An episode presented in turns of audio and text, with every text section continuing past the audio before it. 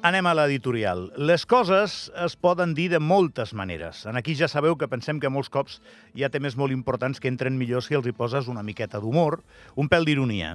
I és des d'aquest punt de vista que us hem dit més d'un dia que admirem molt, ja somric, a qui va decidir impulsar la querella contra Vanessa Mendoza, la presidenta de Stop Violències. I no perquè la querella no pugui tenir base, que segurament alguna deu tenir, sinó perquè tot el que ha passat a continuació ha tingut el recorregut previsible quan es dona un pas d'aquestes característiques. I no vaig a intel·ligent ni de ni ni ni ni ni ni, no, no, eh, ho vaig pensar des del primer moment.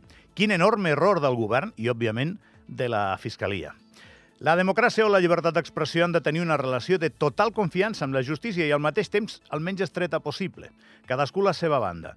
I la democràcia i la llibertat d'expressió han de tenir cintura en els països desenvolupats, i nosaltres volem ser un, per resoldre les diferències verbals que vagin sortint en l'exercici d'aquests dos valors fonamentals. I a la justícia, deixem-la tranquil·la, que prou feina té amb altres assumptes. Si el govern es va sentir agreujat pel que va dir Mendoza, ho hauria d'haver arreglat d'una altra manera. I les imatges que tots van veure ahir, i el que veurem si la condemnen, que no se sap, està vist per sentència, seran la conseqüència de l'inoperància estratègica del govern en aquest assumpte.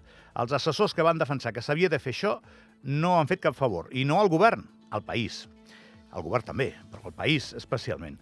No perquè aquest no és un tema senzill no és tan fàcil. Des de fora el veuen molt fàcil. Aquí no es pot avortar. No, bueno, no és tan fàcil. Uh, aquest és un lloc en el que s'ha d'explicar tot, Andorra, si la vols entendre.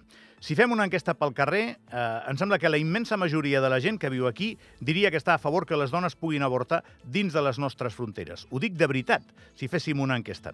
Per què estic tan segur? Doncs perquè no som molt diferents, la gent d'aquí, de francesos i espanyols, i en allà, per exemple, aquest debat està superadíssim.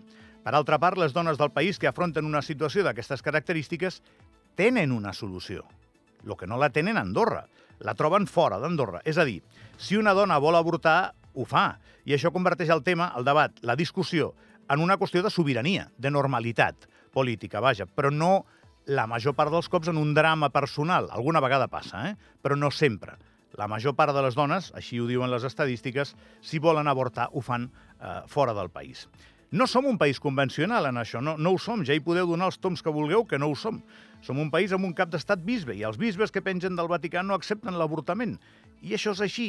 I ara es parla de la despenalització i no és poca cosa, però penseu que un cop aprovada, aquí tampoc es podrà avortar. El que faran és despenalitzar-ho, eh?